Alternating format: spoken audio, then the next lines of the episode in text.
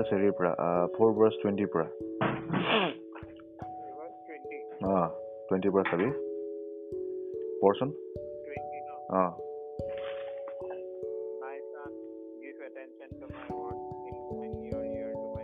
Okay ৰখি যা my son give attention to my words মোৰ সন্তান মোৰ কথাবিলাকত কি দে এটেনশ্যন দে বুলি কৈছে এটেনশ্যন মানে ফুল হৃদয় খুলি শুনা What is attention attention is যেনেকৈ truth is always truth cannot be half half truth half half truth is never a truth গম পালি যেনেকৈ attention is also' not half attention attention মানে পূৰা হৃদয় দি গুৰুত্ব দিয়া হয়নে কাৰেক্ট Uh, আমি এ ফৰ এপলটো কেনেকৈ জানিলো বাই পেয়িং হাফ এটেনশ্যন নে full attention by being full attention. Uh there is nothing like half attention বুজি পাইছ নাই paying half attention I am already lying to myself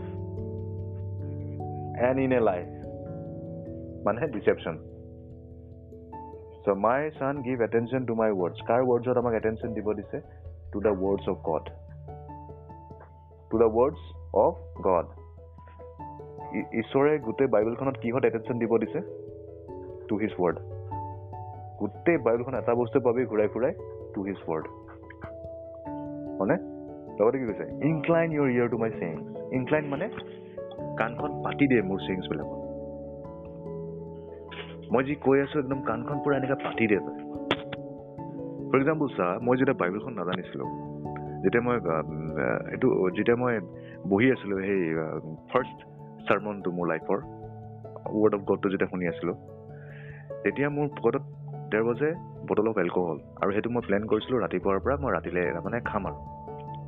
কিন্তু বিকজ মই শুনি আছিলোঁ বিকজ মোৰ এটেনশ্যনটো আছিলে মোৰ দ্য স্পিৰিট অফ গড মোৰ হৃদয়ত যে কাম কৰিছিলে মই গম নাপাওঁ। বাট মোৰ এটা মই এটা অংশন এটা পাইছিলোঁ যে তই মন দে কাণ পাতি শুন কাণ পাতি শুন। ডাইৰেক্টলি এটা এনেকুৱা ভাৰ্বেল লেংগুৱেজ এটা পোৱা নাই but I had a feeling that I should hear পূৰা কাণ পাতি। এণ্ড ডেট সেইটো কাৰণে কি হ'ল? দিছ মিৰাকল হেপেণ্ড আজি যোনটো হয় মই। যদি সেইদিনাখন মই নিদিলোহেঁতেন কি হ'লহেঁতেন? Maybe out of died just like Hagar' and Allen's brother chances বহুত আছে right.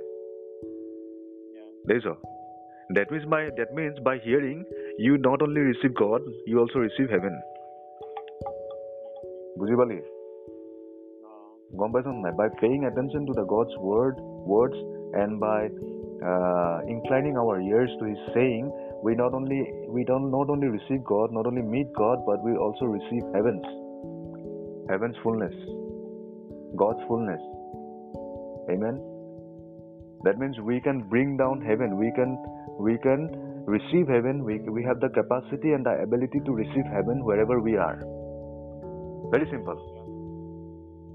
Not by works of righteousness but by faith in God.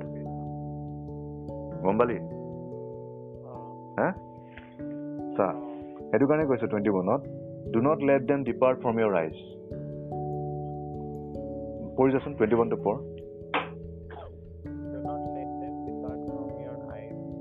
Keep them in the midst of your heart. Uh do not let them depart from your eyes মানে অনবৰতেতো আমি মানে চকুৰ হেৰিৰ পৰা আঁতৰাব মনা কৰিছোঁ। তাৰমানে বা মই এতিয়া ভেৰি চিম্পলি তই আৰু মইতো বাইবেলখন এনি টাইম মুখৰ আগত লৈ থাকিব নোৱাৰোঁ। ৰাইট দেট মিনছ কি কৰিব লাগিব?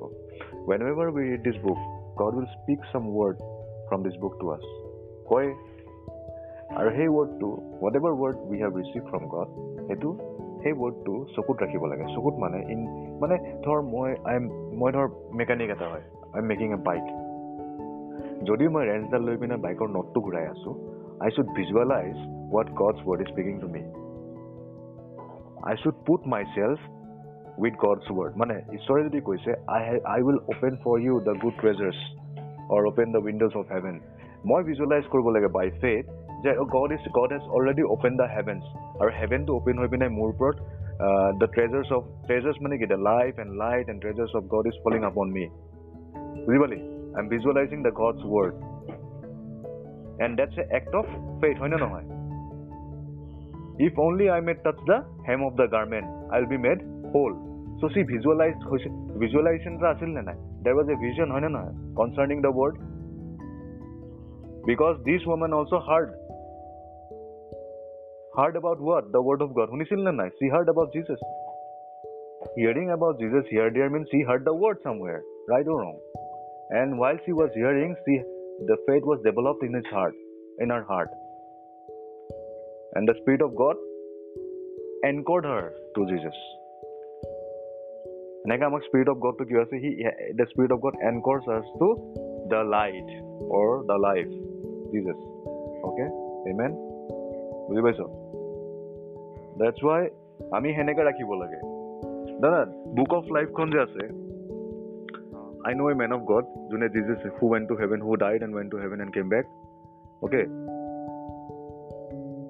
তাক জিউছে কৈছে when my তাক জিউছে কৈছিলে when my people pray in tongues the spirit of god gives the utterance of the things written in the book of life about them try to understand when we when my people praying in tongues কৈছে the spirit of god gives utterance concerning the things written in the book of life about them. হেভেনত এখন কিতাপ আছে যোনখন নাম হ'ল book of life য'ত তোৰ আৰু মোৰ বিফৰ উই আৰ বৰ্ণ এভৰিথিং লিখা আছে। দেৰ ইজ এ ৰিটেন ডেষ্টিনি গম পাইছ নাই? আৰু বুক অফ লাইফত যি যি লিখা আছে প্ৰায় বহুতে বুক অফ লাইফখন যি যি লিখা আছে সেইটো নকৰে বেলেগ কাম কৰেগৈ। বুজি পাইছ? চ' বুক অফ লাইফৰ লগত যেতিয়া আমি এলাইন হৈ যাওঁ নহয় এলাইন কেনেকৈ হওঁ? Through the through the spring in the spirit মানে বুক অফ লাইফত যি লিখা আছে আমাৰ লাইফত একৰ্ডিং দেৰ ইজ ডেট হেভেন গম পাইছ নাই? ট্ৰাই টু আণ্ডাৰষ্টেণ্ড নহ'লে বাকীখিনি বুক অফ লাইফৰ বাহিৰত যি আছে that is our own way বুজি পাইছ কথাটো তই? So' when we are praying in tongues the spirit কি হয়? The spirit of God is giving utterance আৰু is confirming the things written the book of life আৰু কি কৰিছে? সেই because life and death are in the power of the tongues the spirit of God creates the things in our life concerning the book of life and concerning God গম পালি? যোনটো যোগেদি আমি বুজি পালি? That is why do not stop praying in tongues যেতিয়া empty লাগি আছে যেতিয়া কিবা লাগি আছে don't go and open a movie pray in the tongues নহয় নহয় মই বুজি পাইছোঁ এনেই কৈছোঁ ফৰ এক্সাম্পল প্ৰাইমেৰিলি আমাৰ হিউমেন প্ৰপেঞ্চিটি থাকে। মই কেতিয়াবা কি হয় কেতিয়াবা এমটি থাকিলে মই মুভি এখন লগাই দিওঁ চাই থাকিবলৈ কাৰণে। তাৰপিছত মুভিখন চাই চাই কি হয় দেখোঁ যে আৰু মই ফিউল নাইকিয়া হৈ গৈছে। বুজি পাইছ? তাতকে pray in tongues or read the Bible entertainment লাগে বাট ইমানো এণ্টাৰটেইনমেণ্ট নকৰিবি যে ড্ৰেইন আউট হৈ যাওঁ। Don't let yourself drain out because that's your power don't don't let anyhow drain your heaven out of your hair then drain নকৰিবলৈ কাৰণে we have to fight the good fight of faith okay বুজি পালি? সেইটো কাৰণে কৈছে do not let them depart from your eyes keep them in the midst of your heart ক'ত ৰাখিব দিছে? Midst of your heart twenty one for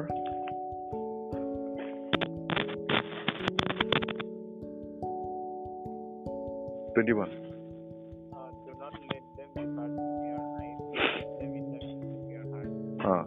keep the word in the midst of the heart তাৰপিছত কি হ'ব বুলি কৈছে keep the word of God in the midst of our heart we should keep the word in the midst of our heart বুজিছ নাই amen so' for they are life to those who find them চা যোনে যোনে পায় তাৰ কাৰণে life হয় what is this life কি মানুহবিলাক ৱৰ্ডটো পোৱাৰ আগতে মৰি থাকে নেকি that means it is talking about eternal life eternal লাইফটো হয় তাৰপিছত there is life for their life to those who find them.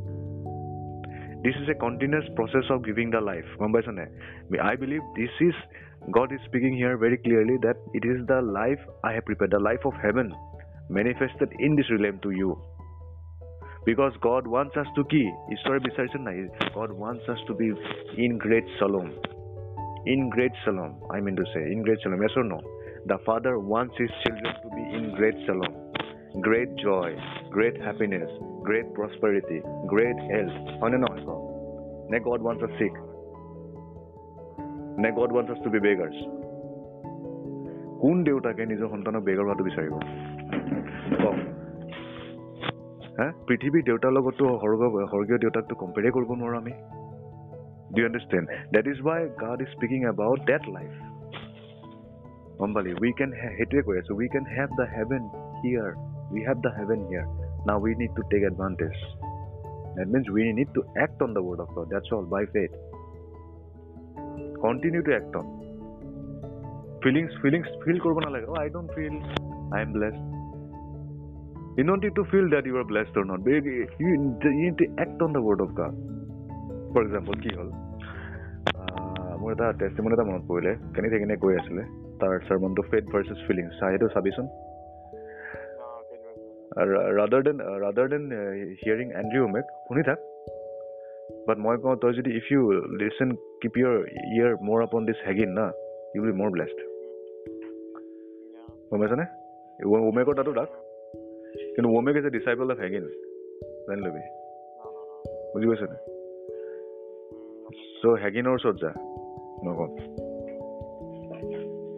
মানে এনেকৈ তই পাঁচটা পাৰ্কৰ পৰা শুনা আৰু পাঁচটা কিমৰ পৰা শুনা এটা ডিফাৰেঞ্চ আছে বুজি পাইছনে তই শুন মই কোৱা নাই ওমেকক নুশুনিবি দে নাই ন মই I am not saying that বুজি পাইছনে ওমেকক শুনিব ময়ে কৈছিলোঁ তোক। ওমেক শুন ওমেক ময়ো মই মাজে মাজে শুনো কিন্তু বহুত দিন শুনা নাই। এবছৰে শুনা নাই নেকি? এবছৰ বেছিয়ে হ'ব শুনা নাই। মই কেনেত যেতিয়াৰ পৰা পালোঁ কেনেটকে শুনি আছোঁ। চ' কেনিতে ফেট ভাৰ্চেছ ফিলিঙত এটা টেষ্টিমনি গৈছিলে এজনী ছোৱালী বুজিছ এজনী মাইকী মানুহ এজনী এদিন আহিলে। ৰাতিপুৱা আঠটা বজাত আহিছে মানে। আৰু সেই সময়ত মানে কেনি থাকিন শুই আছে। শুই আছে মানে কি কেনি থাকিনৰ কিবা চৰি ডেড হেগিনৰ মানে কিবা তোৰ হেৰি চলি আছিলে কিবা মানে কি এইবিলাক প্ৰগ্ৰেম চলি আছিলে ৰাতি দেৰি হৈ যায়। কেতিয়াবা তিনিটা কেতিয়াবা চাৰিটাত আহি শুই থাকে। হা? তো তাৰপিছত মানে কি হ'ল আঠটা বজাত আহি পালে এজনী মাইকী মানুহ এজনী আহি পালে আহি পিনে ক'লে অ' ব্ৰাদাৰ হেগিন মই মই বহুত পাপিষ্ট হয়। মই চাৰিটা বিয়া পাতিলোঁ চাৰিটা বিয়া পাতি মোৰ ফেইলিয়াৰ হ'ল। এতিয়া মই বেক শ্লাইডিং হ'লোঁ। হা মই ঈশ্বৰকো এৰিলোঁ ফেলোশ্বিপত নাই। মই খালি একো একো বিচাৰি থকা নাই। মই খালি এতিয়া বিচাৰিছোঁ যে মই ঈশ্বৰৰ লগত জাষ্ট ফেলোশ্বিপত আহি যাব লাগে তাৰপিছত মই মৰি যাওঁ আৰু ঘৰলৈ গুচি যাওঁ বুলি মানে হেভেন মানে সাংঘাতিক বেক শ্লাইডিং আছিলে। শ্লাইডাৰ হয় বুলি। নিজে কৈছে। মই বেক শ্লাইডাৰ হয় মই বহুত পাপ কৰিছোঁ কিবা কিবি। তাৰপিছত হেৰিয়ে কৈছে আৰু ডেডিকিনে কৈছে তই কি কয়? তই সেইবোৰ বাদ দে তই কেলে কৈছ যে তই বেক শ্লাইডাৰ হয় বুলি এনেকে প্ৰথমতে কুৱেশ্যন কৰি কৈছে মই ফিল নকৰোঁ যেনেকে মই আগতে ফিল কৰিছিলোঁ. এনেকে ক'লে হা বাৰে বাৰে মানে তাই ফিলিংছৰ কথা কৈ আছে. হা তেতিয়া লগে লগে ক'লে যদি তোৰ নিচিনাকে যদি মই চলো নহয় তেনেহ'লে মোৰ কাৰণে কোনোবাও প্ৰে কৰিব লাগিব মই চবতকে ডাঙৰ বেক শ্লাইডাৰ যেন অনুভৱ হয়? মানে সেইকিনে ক'লে কেনে ক'লে যে তই যেনেকে ফিল কৰি আছ মই যদি সেনেকে তোৰ তোৰ নিচিনাকে যদি মই ফিল কৰি থাকো নিজকে. যে মই কেনেকুৱা ফিল কৰি আছো মই ঈশ্বৰক ফিল কৰিছো নে নাই মই স্পিৰিচুৱেল ফিল কৰিছো নে নাই ই কৈছে মই এতিয়া এনেকুৱা স্পিৰিচুৱেলি ড্ৰাই ফিল কৰি আছো তই তই যেনেকুৱা কৰি মানে মই একদম স্পিৰিচুৱেলি ড্ৰাই ফিল কৰি আছো আৰু মোৰ কোনো ঈশ্বৰৰ লগত কানেকশ্যন নাই এনেকুৱা লাগি আছে মোৰ এতিয়া কেন কেনে কৈছে বুজি পালি। মানে কৈছে যদি তোৰ নিচিনাকে মই চলো তেনেহ'লে মোৰ কাৰণেও কোনোবা প্ৰে কৰিব লাগিব আৰু মই তাহলে তোৰ নিচিনাকে তোৰ নিচিনাকে যদি মই চলো ডেট মিনছ ফিলিংছৰ মতে যদি চলো ডেট মিনছ চবতকে ডাঙৰ বেক শ্লাইডাৰ ময়ে হ'ম। বুজি পালি? লগে লগে কৈছে যে আমি ফিলিংছ এদি নিজেও আমি ফিলিংছ এদি জীয়াৰ কাৰণে আমি ফচি যাওঁ সদায়. We walk by faith not by sight বুজি পাইছ নাই? তাতে আৰু বহুত সি ইলাষ্ট্ৰেশ্যন সি ইলাষ্ট্ৰেশ্যন দিছে। তই সেই চাৰ্মনটো নিজে বিচাৰি পিনে এবাৰ শুনিবি তই প্লেছ ল'বি ভালকে শুনিবি আজি শুনি ল'বি। ফেথ ভাৰ্চেছ ফিলিং অঁ। অঁ। তো বহুতবাৰ যোনটো বস্তু ফিল হয় নহয় ফিলিংটো ফিলিংটো আহে কৰবা মই সেইটোকে কৈ আছোঁ। তেতিয়াৰ পৰা মই সেইটোৱে কৈছোঁ সেইকাৰণে আমাক প্ৰতিদিনা থটছ আনে সেই থটছটো যেতিয়া আমি লৈ লওঁ নহয় কেপচাৰ কৰি লওঁ কেপচাৰ হৈ যাওঁ তেতিয়া আমি ভাবি লওঁ অঁ য়েছ মই এনেকুৱা মই তেনেকুৱা মই চিন মই চিন কৰিলোঁ। সেইটো কাৰণে মই ঈশ্বৰৰ পৰা দূৰত। বুজিলি? ইমিডিয়েটলি আমাৰ সেই ফিলিংছটো আহি যায়। কণ্ডেম ফিলিং গিল্ট ফিলিং ঈশ্বৰে আমাক ভাল পাই থকা নাই। I am not blessed. We are not blessed according to our feelings. We are blessed according to our faith. জানিলো বুজি পালি? তো চেইটানে যেতিয়া এইটো কণ্ডেম কৰিব চেষ্টা কৰে because we fall here and there sometimes কৈছে কিন্তু willfully pray for the followings okay that God I be gracious unto me that give me strength and power and lead me in your way that I may not fall in such and such okay okay but এইটো জানি ল'বি that for that falling also' Christ died for us we are absolutely righteous as Christ is বুজিলি okay so' এতিয়া চা Hello.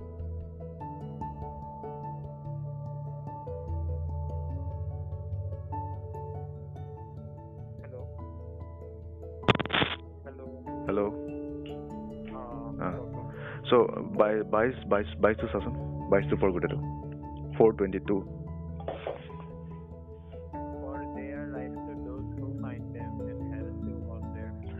যোনে যোনে ঈশ্বৰৰ ৱৰ্ডটো পায় তেওঁলোকৰ কাৰণে সেইটো জীৱন হয় আৰু তেওঁলোকৰ ফ্লেছৰ কাৰণে হেল্থ হয়।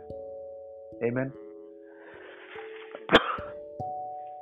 আফটাৰ আফটাৰ হেগিনৰ যেতিয়া ভাল হৈ গৈছিলে when he came out from dead তাৰপিছত তাৰ আৰু এটা পেৰালাইচিছৰ বেমাৰ পেৰালাইচিছ টাইপ বেমাৰ এটা হৈছিলে। তাৰ মুখখন আধা পেৰালাইচিছ হৈ গৈছিলে ফেচ মুখখন। ফেচ এদিন জাননে কথাটো এইটো কথা?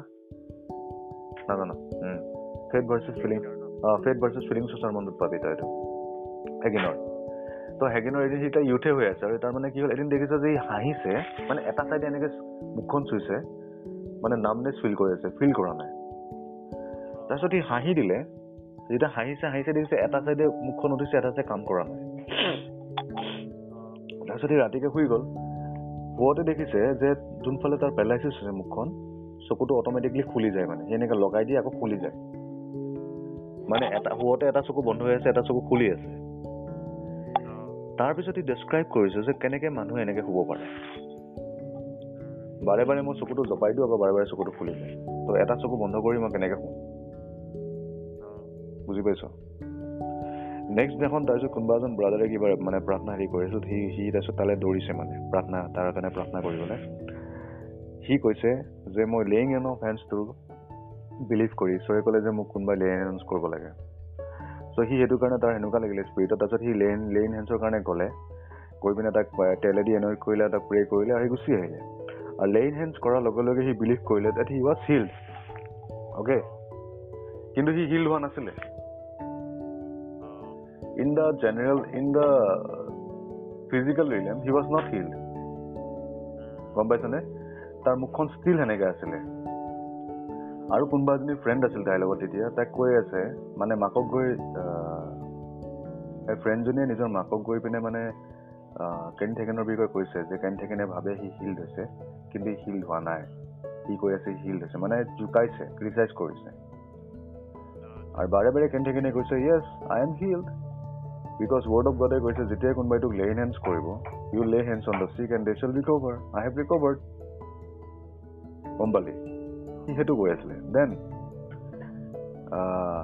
তেতিয়ালৈকে সি লোৱা নাই আৰু তাৰপিছত কেনে কেনে কৈছিলে যে মোৰ সেই ফ্ৰেণ্ডজনীৰ ফেটটো আছিলে by what they what she sees her fate was what she sees but my fate was the word of God my my faith is my faith is, uh, her faith is what which she was seeing but my faith is what the word of god says and then সেইটো ৰাতিৰ পিছতে just that night the next morning he was healed completely গম পালি মানে কেনি থাকিনতো ফিলিংছতে যাব পাৰিলেহেঁতেন অ' মোক লে ইনহেঞ্চ কৰিলে মইতো হিল হোৱা নাই গ্ৰুপটো দেখিছ নাই that you shall lay hands on the sick and you shall recover that means যদি কোনোবা লে হেণ্ডছ কৰাৰ পিছত যদি হিল হোৱা নাই ডেট মিনছ সি বিলিভ কৰা নাই। গড কেনট বি ৰং এতিয়া হিলিংছৰ বিষয়েও আমি জানিব লাগিব। ইয়াতে যে লিখিছে for their life to those who find them and health to all their flesh কিছুমান হিলিংছ ইনষ্টেণ্টেনিয়াছলি মেনিফেষ্ট হয়। কিছুমান হিলিংছ লাহে লাহে হয়। জিজাছৰো কিছুমান হিলিংছ ইনষ্টেণ্টেনিয়াছলি হোৱা নাছিলে। ফৰ এক্সাম্পল আমি চাব পাৰোঁ যেতিয়া লেপাৰ্ছ কেইটা যে আছিলে টেন লেপাৰ্ছ আছিল ন? দহটা লেপাৰ্ছ জি এছলৈ আহিছিলে। জি এছে কিবা এটা কাম কৰিব দিছিল ন? যে তহঁতি যা ইয়ৰ চিনছ অফ ফৰগিভেন তহঁতি যা আৰু টেম্পল প্ৰিষ্টটোক তহঁতৰ টেষ্টিমনিটো দিবি আৰু তাৰ কাষ্টমটো মতে কৰিবি বুলি কৈছিলে নাই? uh, so' while they when they were heal না? নট ইন দেট টাইম বুজি পাইছনে? চ' দেট মিনছ কি হয় সিহঁতি বিশ্বাস কৰিছিল whatever God has spoken to them they have believe and they work against it that means কি হয় কি কি ক'ব বিচাৰিছ নে I want to tell you that যোনদিনাখন I have laid hands on you for your healing you are already heal that day আৰু তই কি কৰি ফুৰিবি? What you'll do you'll continue to believe that I am heal that's all just keep on believing that you are heal because laying on of হেণ্ডছত কি হয়? Uh, যেতিয়া যেতিয়া যেতিয়া তই লে লে হেণ্ডছ কৰ কাৰোবাক বা মই লে হেণ্ডছ কৰোঁ লেয়িং এন অফ হেণ্ডছত কি হয়? God's power is release in that contact ঈশ্বৰৰ শক্তিটো ৰিলিজ হয় এইটো কণ্টেক্টত বুজি পালি? হিলিংছ ফ্ল' হয় ব্লেছিংছ ফ্ল' হয়। আৰু আমি ৰিচিভ কেনেকৈ কৰোঁ? জাষ্ট বাই বিলিভিং তই তোৰ তই তই ফেথ ৰিলিজ কৰিছিল নে নাই? যেতিয়া মই তোৰ ওপৰত লে হেণ্ডছ কৰিছিলোঁ তই ফেথ ৰিলিজ কৰিছিল নে নাই? তইতো ফেথ কৰিছিল ন? If really laid his hands on me all bless কৰিছিল নে নাই? ৰাইট দেট মিনছ হিলিং পাৱাৰটো তাত অলৰেডি সোমাইছে। And that healing is already going on because সেইটো যদি মেনিফেষ্টেড হোৱা নাই because of unbelief sometimes that's all okay so' আজিৰ আজিৰ কণ্টে আজিৰ যোনখিনি তোক ঈশ্বৰে কৈছে সেইখিনি মনত ৰাখিবি। Keep on hearing keep on paying attention with all your heart and keep on believing the word of god alone only the word of god okay so' thirty one সেইটো কাৰণে আমি ঘূৰি যাম এইটোতে এইটো কি আছিলে Ezekiel thirty one thirty thirty four thirty one Ezekiel thirty four thirty one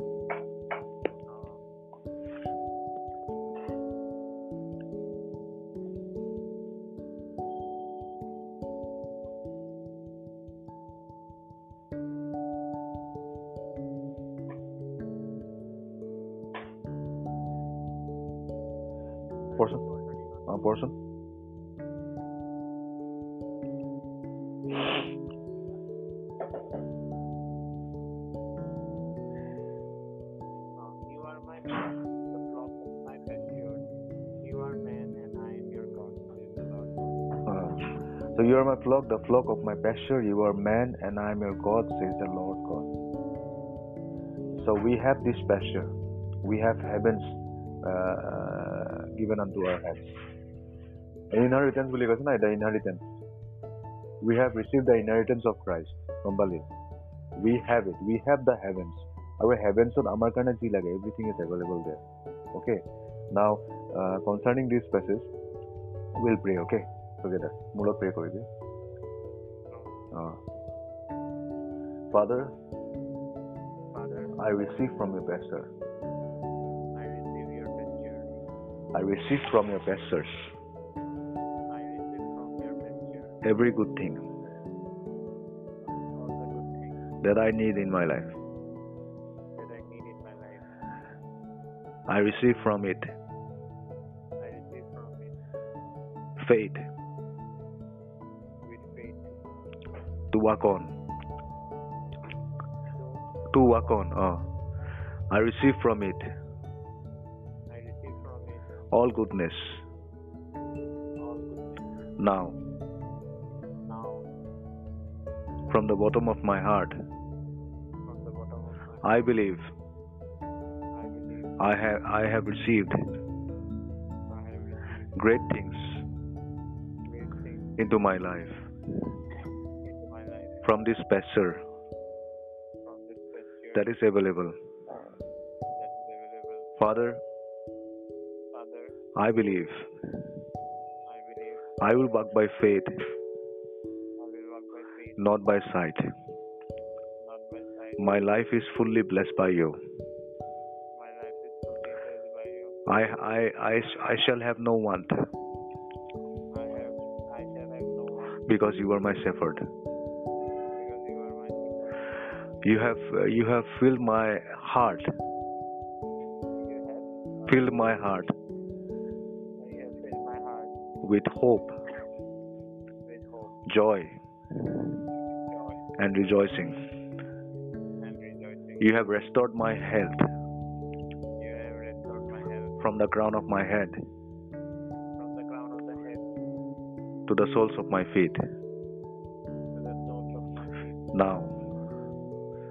Thank you, Holy Spirit, thank you that you have healed my kidneys, that you have healed my kidneys, that you have healed my teeth, that you, that, that you have healed my teeth, that you that you have healed every sickness and infirmity that you have healed every sickness and infirmity. from me. I believe I am healed. I believe, I am healed. I am healed. I am healed. I believe. I believe, Lord Jesus, you have taken away my weakness, all my weakness, all my infirmities, all my sickness, and I receive your healings by faith. Thank you, Father, for answering my prayers, for doing in my life according to your word. According to your word, you have done in my life. I stand in the I stand in your word, O God. Your word has been fulfilled in my life. I resist the will? I resist the devil. I resist my own thoughts, I resist my own thoughts, but I accept all your thoughts. but I accept all your thoughts. I accept the thoughts of God I accept the thoughts of God in my life. in my life. I will walk according to the thoughts of God, Not according to the thoughts of God, not my own thoughts. not my own thoughts. Thank you, Father. What a what a beautiful present and future, present, and future, and future, and the future life you have given me. Life you have given me. Life. লাইফটোৰ চাউণ্ডটো কিবা গণ্ডগোল হৈছে নেকি মোৰ ভইচটো শুনাত?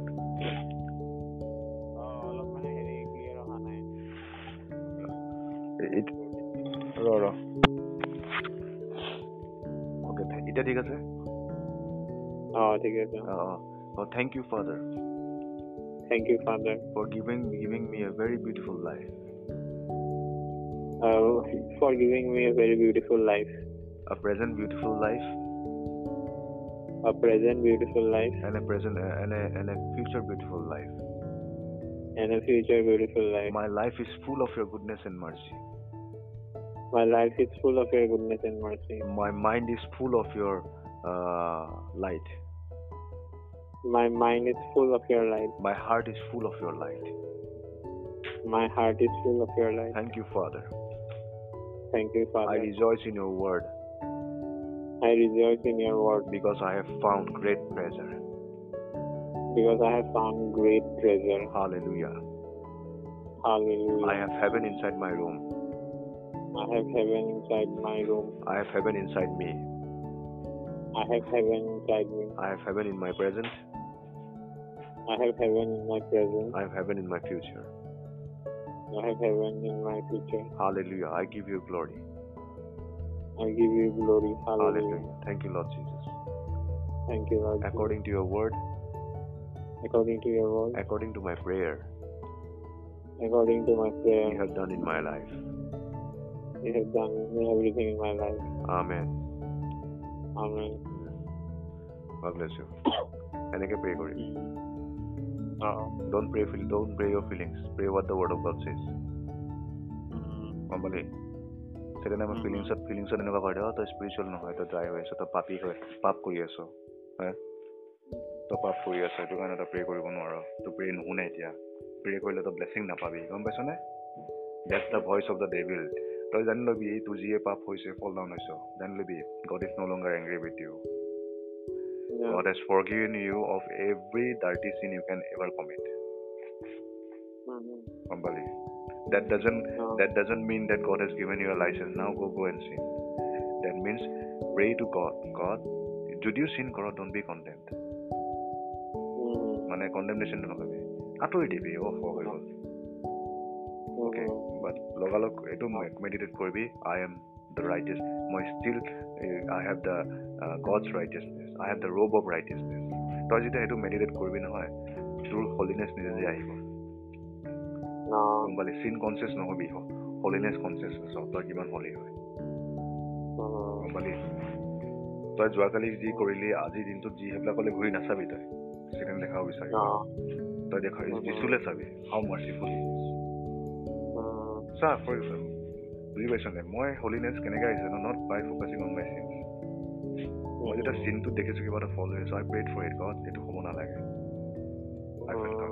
গম পাইছ just pray for it don't focus it. এই মই এইটো কৰিলোঁ. এইটো কৰিলোঁ I have done I have done every dirty sin that is available on this planet ক'ব পাৰি. Just like you I have done every dirty sin available on this planet. Okay but আজি মই সেইবিলাক কিয় কৰি থকা নাই because I behold the lamp and behold his righteousness upon গম পালি. সেইটোৱে আমাক পাৱাৰ দিয়ে. গম পালি ডোণ্ট গেট Yeah. তই যদিও আজি তই হাজাৰটা চিন কৰ তই still God loves you just with the same love. মানে ফৰ এক্সাম্পল যেতিয়া তই চিন যেতিয়া তই আৰু মই চিনফুল হৈ আছিলোঁ Mhm. তেতিয়াও ঈশ্বৰে আমাক কিমানেই প্ৰেম কৰিছিলে Mhm. হয়নে নহয় ক গড চ' লাভ দ্য হয়, ৱৰ্ল্ড হয়। That he gave is only begotten son Mhm. আমি এতিয়া ৰাইটিছনেছত আছোঁ Mhm. আমাৰ কোনো চিনে তাক আমাৰ প্ৰেম আমাৰ কোনো কামে তেওঁক প্ৰেমটো বঢ়াব নোৱাৰে কমাব নোৱাৰে তেওঁ আমাক No. প্ৰেমেদি প্ৰেম কৰে ইউ আণ্ডাৰষ্টেণ্ড. অ'কে. কিন্তু সেইকাৰণে আমাক এইটো কণ্ডেমনেশ্যন আনি দিয়ে অঁ ঈশ্বৰে মোক এতিয়া ভাল পাই থকা নাই কাৰণ কি। মই চিম্পল হৈ গ'লোঁ. চেম মোৰো আনে কিয় আনবিলিফটো। চিন নহয় নেকি আমি আনবিলিফটোৱে চিন হয় জানো নাজানো not believing. God is a sin জানো নাজানো এডাল্টাৰি চেডাল্টাৰিটো অ। বাদে দে No. আনবিলিভ চিন হয়নে নহয় লিখাচোন but the unbelievers and and unbelieving and the fearful পিছতে আহি পৰিছে এবমিনেশ্যন ডেট মিনছ বিলিভিঙৰ যোগেদি আমি চব চিনৰ পৰা আঁতৰাব পাৰোঁ my faith believing in God's goodness so' let me finally pray for you father I pray for your son creative by holy spirit and your under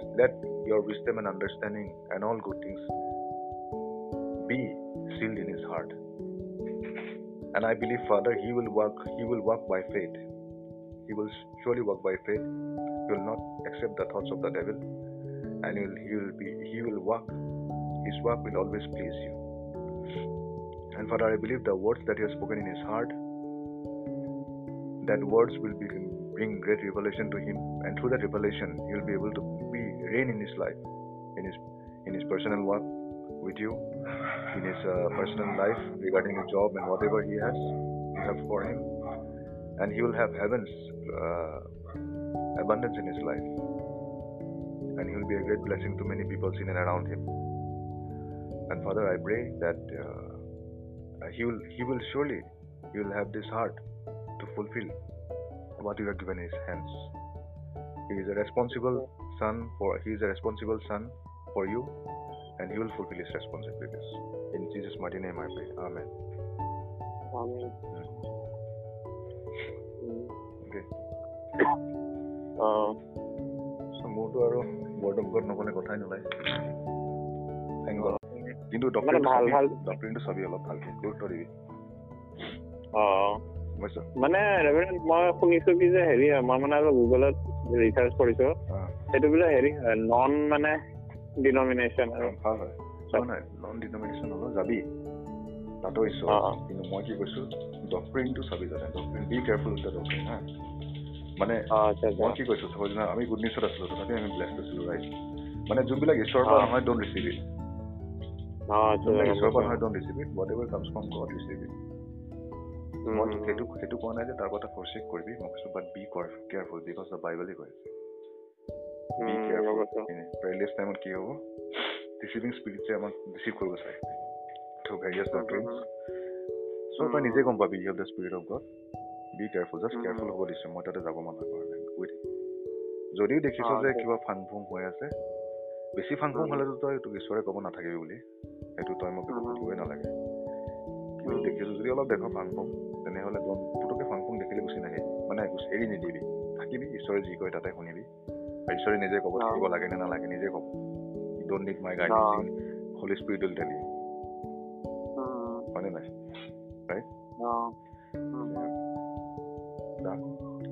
কেতিয়া বজাৰ পৰা হয়। আমাৰ ইংলিছ চাৰ্ভিচ আঠটাৰ পৰা আঠটাৰ পৰা এইট টু টেন থাৰ্টি ভালো দেখোন টাইমিংটো মানে আঢ়ৈ ঘণ্টা আঢ়ৈ ঘণ্টা এইট টু টেন থাৰ্টি টাইমিংটো ভালো। এই এঘণ্টা যোনবিলাক চাৰ্চ এঘণ্টা শেষ কৰে মোৰ বিৰাট ভাল বেয়া পাওঁ সঁচাকৈ কিছুমান চাৰ্চ আছে নাই এঘণ্টা দি খতম কৰি দিয়ে মানে কি কৰে ফাংচন ছাৰ্মন মানে ফাংচন কথা কিছুমান পাতি এঘণ্টাই কৰি দিয়ে এই লেমেন টাইপ ন লেমেন বিলাক যে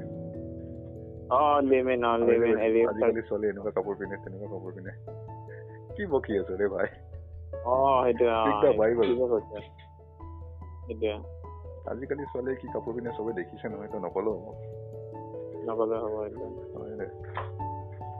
উম।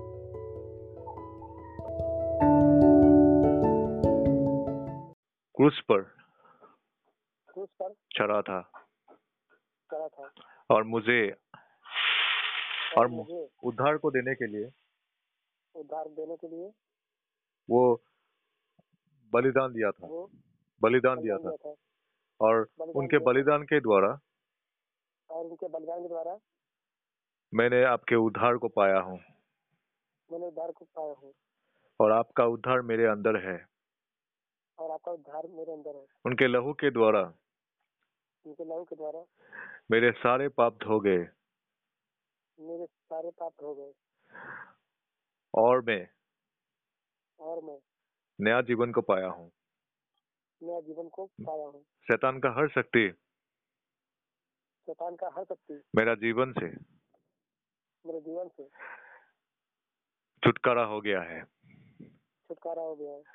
मैं अपने जीवन को मैं अपने जीवन को प्रभु यीशु मसीह आपके हाथ में देता हूँ। प्रभु यीशु मसीह आपके हाथ में देता हूँ। प्रभु यीशु मसीह मेरे हृदय में आइए। प्रभु यीशु मसीह मेरे हृदय में आइए। और मुझे चलाइए। और मुझे चलाइए। मैं धन्यवाद देता हूँ। मैं धन्यवाद देता हूँ। आपके वचन के अनुसार पिता। आपके वचन के अनुसार पिता। आपने मेरे जीवन में किया है। आपने मेरे जीवन में किया है। आमीन। आमीन। ओके। तो एक वचन को निकालिए। हम परमेश्वर के वचन को देखते हैं। रोमियो रोम हाँ रोमियो नया नियम में है नया नियम में। रोमियो रोमियो। एक अध्याय सोलह पद। रोमियो में रोमियो में एक अध्याय सोलह। हाँ सोलह पद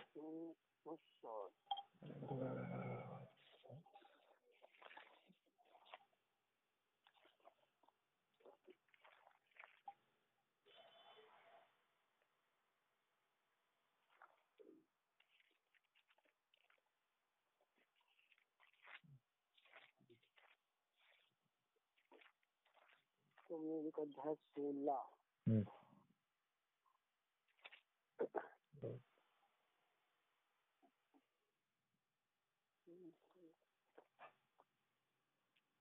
अच्छा ये है ना सुसमाचार का समर्थ की समर्थ हाँ हाँ।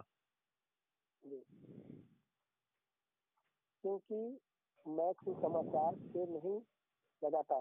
हम्म, वह हर एक विश्वास करने वाले के लिए फिर यूनानी के लिए उद्धार के निमित्त परमेश्वर की सामर्थ्य है। आमीन तो यहाँ पे क्या लिखा है? मैं मसीह का इसका मतलब है मैं मसीह का सुसमाचार से नहीं लग जाता क्योंकि वो ये, ये विश्वास करने वालों के लिए पहले यहूदी फिर यूनानी सबके लिए परमेश्वर का उद्धार का सामर्थ है बोल रहे हैं। तो यहाँ पे दो चीज़ें हम देख सकते हैं एक है परमेश्वर का उद्धार और दूसरा है दूसरा चीज़ है कि सामर्थ के विषय में भी बोल रहा है कि परमेश्वर का सामर्थ है उद्धार के लिए। लेकिन ये परमेश्वर का उद्धार और सामर्थ कहाँ पे छिपा है? वही सुसमाचार में छुपा है बोला है। यीशु मसीह के सुसमाचार में परमेश्वर का उद्धार और सामर्थ छिपा है। उदाहरण स्वरूप से आप छह महीने पहले प्रभु यीशु मसीह आपके जीवन में आया मतलब पहले से ही है लेकिन आपने प्रभु यीशु मसीह को जान पाए हो। अभी प्रभु यीशु मसीह इसने हाँ? इसने मुझे बताया था। हम्म। तो आज से करीब एक साल पहले भी इसने हमें बोला तो हमने हम्म। हाँ। तो अभी जो है तो फिर उनसे जो है हाँ। हेलो? तो एक साल पहले उन्होंने हमको टोका था इस चीज़ के लिए तो हम तो उसमें थे नहीं हम तो उनसे ना मानना था ऐसा कुछ था। तो हमने उनसे उनकी बातों पर ध्यान नहीं दिया। हाँ। तो अभी छह महीने पहले उन्होंने फिर रात में फ़ोन किया था हाँ। ये सब बात होने लगी कि आप करके तो देखिए। हाँ। फिर हमने मानना शुरू किया तो हमें हाँ। हमें लगा कि हम अच्छे हो रहे हैं। हाँ आमीन आमीन। प्रभु ने प्रभु आपको बहुत प्रेम करता है चिंता मत कीजिए बहुत प्रेम करता है। तो पहले बात बताता हूँ मैं पहले चीज़ क्लियर करता हूँ। पहला चीज़ है यहाँ पे प्रभु यीशु मसीह का एक सेकेंड रुकिए तो एक सेकेंड तो पहला चीज़ जानना ज़रूरी है पहला चीज़ जानना ज़रूरी है पहला चीज़ जानना ज़रूरी है कि हम लोग ख्रिस्ट हम लोग जो सुनते आ रहे हैं कि मसीह का धर्म मसीह का धर्म मसीह का धर्म या जी। फिर ये पैसे देता है वो देता है पैसे से धर्म चेंज करता है बहुत कुछ ऐसे हम लोग सुन के ऐसा मैं है। मैं तो हाँ। हमको उसने बता दिया सब बताया हमको। हाँ हाँ। है हैं हैं हाँ हाँ हाँ। हाँ तो ये पहला चीज़ जानना ज़रूरी है। पहला चीज़ ये है कि ये पूरा बाइबल आपके हाथ में है है। आपके पास हिंदी अनुवाद का बाइबल है। इस बाइबल को आप पहला के पन्ना से अं- अंतिम पन्ना तक अगर पढ़ेंगे भी खत्म भी करेंगे फिर भी आपको यहाँ एक शब्द नहीं मिलेगा जो बोलते हैं क्रिश्चियन धर्म। वो आपको नहीं मिलेगा। मैं गारंटी देता हूँ। और यहाँ पे ये भी नहीं मिलेगा कि परमेश्वर बोल रहा है आओ तुम क्रिश्चियन धर्म में आ जाओ तुमको मैं ये दूँगा उधार दूँगा। ऐसा भी नहीं लिखा है। यहाँ पे परमेश्वर ने अपना धर्म भी नहीं बताया अपना मज़हब भी नहीं बताया। एक ही चीज़ है ना? ठीक है तो पहला चीज़ हमें जानने का बहुत ज़रूरी है कि यहाँ पे यीशु मसीह कौन है? यीशु मसीह परमेश्वर का एकमात्र संतान है। और कोई भी नहीं है बाइबल बताता है। ठीक है और ये वचन में रोम, रोमियो का एक एक अध्याय सोलह पद में ये लिखा है कि आ, मैं यीशु मसीह के सुसमाचार को नहीं लज्जाता क्योंकि वो परमेश्वर का सामर्थ्य है उद्धार के लिए हर हर एक के लिए। वो ग्रीक जिहूदी हो या यूनानी हो मतलब वो जिहूदी इसराइल का लोग हो या बाहरी लोग हो। हम लोग बाहर का लोग है। जब यूनानी बता रहा है ग्रीक बता रहा है मतलब परमेश्वर ये बोल रहा है कि बाहर का जो भी हो। मतलब अभी आ, सोचने का एक आ, हमें हर इंसान को सोचने का ज़रूरी है एक बात। मेरा हिंदी इतना प्रॉपर नहीं है लेकिन मैं समझता हूँ कि मामा जी आप समझ सकते हैं। आप लोग तो जैसा हिंदी आ है, मेरा ग्रामर ग्रामर थोड़ा शायद कुछ होगा लेकिन अ, उसको आप मतलब जो मैं बोल रहा हूँ उसको आप अ, मैं विश्वास करता हूँ समझ रहे हैं। और हाँ और पहला बात जानना ये ज़रूरी है कि मामा मामा जी कि हम लोग हम इंसान को जब कभी भी विपत्ति आता है या आपद आता है या जो भी आता है हम उद्धार ढूंढते हैं ना। और मनुष्य हमें उद्धार नहीं दे पाता है। कोई भी मनुष्य हमें सिद्ध रूप का उद्धार नहीं दे पाएगा। और दूसरी तरफ़ एक रास्ता है जो होता है परमेश्वर का उद्धार। और परमेश्वर का उद्धार क्या होता है? सिद्ध होता है। उसमें कोई भी गड़बड़ नहीं होता है। उसमें कोई भी गड़बड़ नहीं होता है। उदाहरण स्वरूप से परमेश्वर ने पेड़, पौधे सब कुछ बनाया है। और हम घास को देखते हैं ना, घास। घास पे हम क्या करते क्या करते हैं? उसमें हम चलते हैं। कभी कभी घास के ऊपर हम थूकते हैं और कभी कभी बहुत कुछ होता है घास के ऊपर। कभी कभी घास को हम काट देते हैं। लेकिन ये घास भी, घास का एक एक जो पत्ता होता है या घास का एक एक जो पत्ता होता है, समझ रहे हैं ना? वो एक, वो वो वो भी परमेश्वर ने सिद्ध रूप से बनाया है। घास का पत्ता कभी भी एक बड़ा एक छोटा या ऐसा कुछ नहीं होता है। कलर उसका जो भी मतलब आकार है सब कुछ परफेक्ट है। तो इस इस इसके द्वारा हम क्या देख सकते हैं कि परमेश्वर सिद्ध है उसका काम सिद्ध है। है ना? जो जो जो हवा हम ले रहे हैं वो हवा साइंस बोलता है ऐसा हो रहा है वैसा हो रहा है वैसा हो रहा है। लेकिन वो साइंस ने हवा को नहीं बनाया। साइंस के द्वारा हम जान पाए कि कोई कोई ऐसा ऐसा चीज़ें हो रहा है सृष्टि में। लेकिन उसका पीछे में कौन है? परमेश्वर है। आपके जीवन में आज जो आपके जीवन में आज जो भी आपने आपने चाय पिया है ना आज? चाय पीते हैं? चाय पीते हैं ना मामा जी? हाँ। जी, जो वो जो वो जो चाय का कप आपके हाथ में आया वो भी परमेश्वर ने लाया है। जी, जी? तो ये मैं बात बोल बोलना चाहता हूँ कि परमेश्वर का काम सिद्ध है। मनुष्य का काम सिद्ध नहीं है और परमेश्वर ने अपना उद्धार को लेके आया था। अभी हमें उद्धार क्यों चाहिए? ये भी एक सोचने वाला बात हो गया ना। हमें उद्धार क्यों चाहिए? किससे उद्धार चाहिए हमें? और क्यों चाहिए? और ये उद्धार हमें कहाँ पे लेके आएगा? बहुत प्रश्न आ जाता है। हाँ। तो ये ये वचन फिर से पढ़िए था एक बार सोलह पद। आप हिंदी में पढ़िए।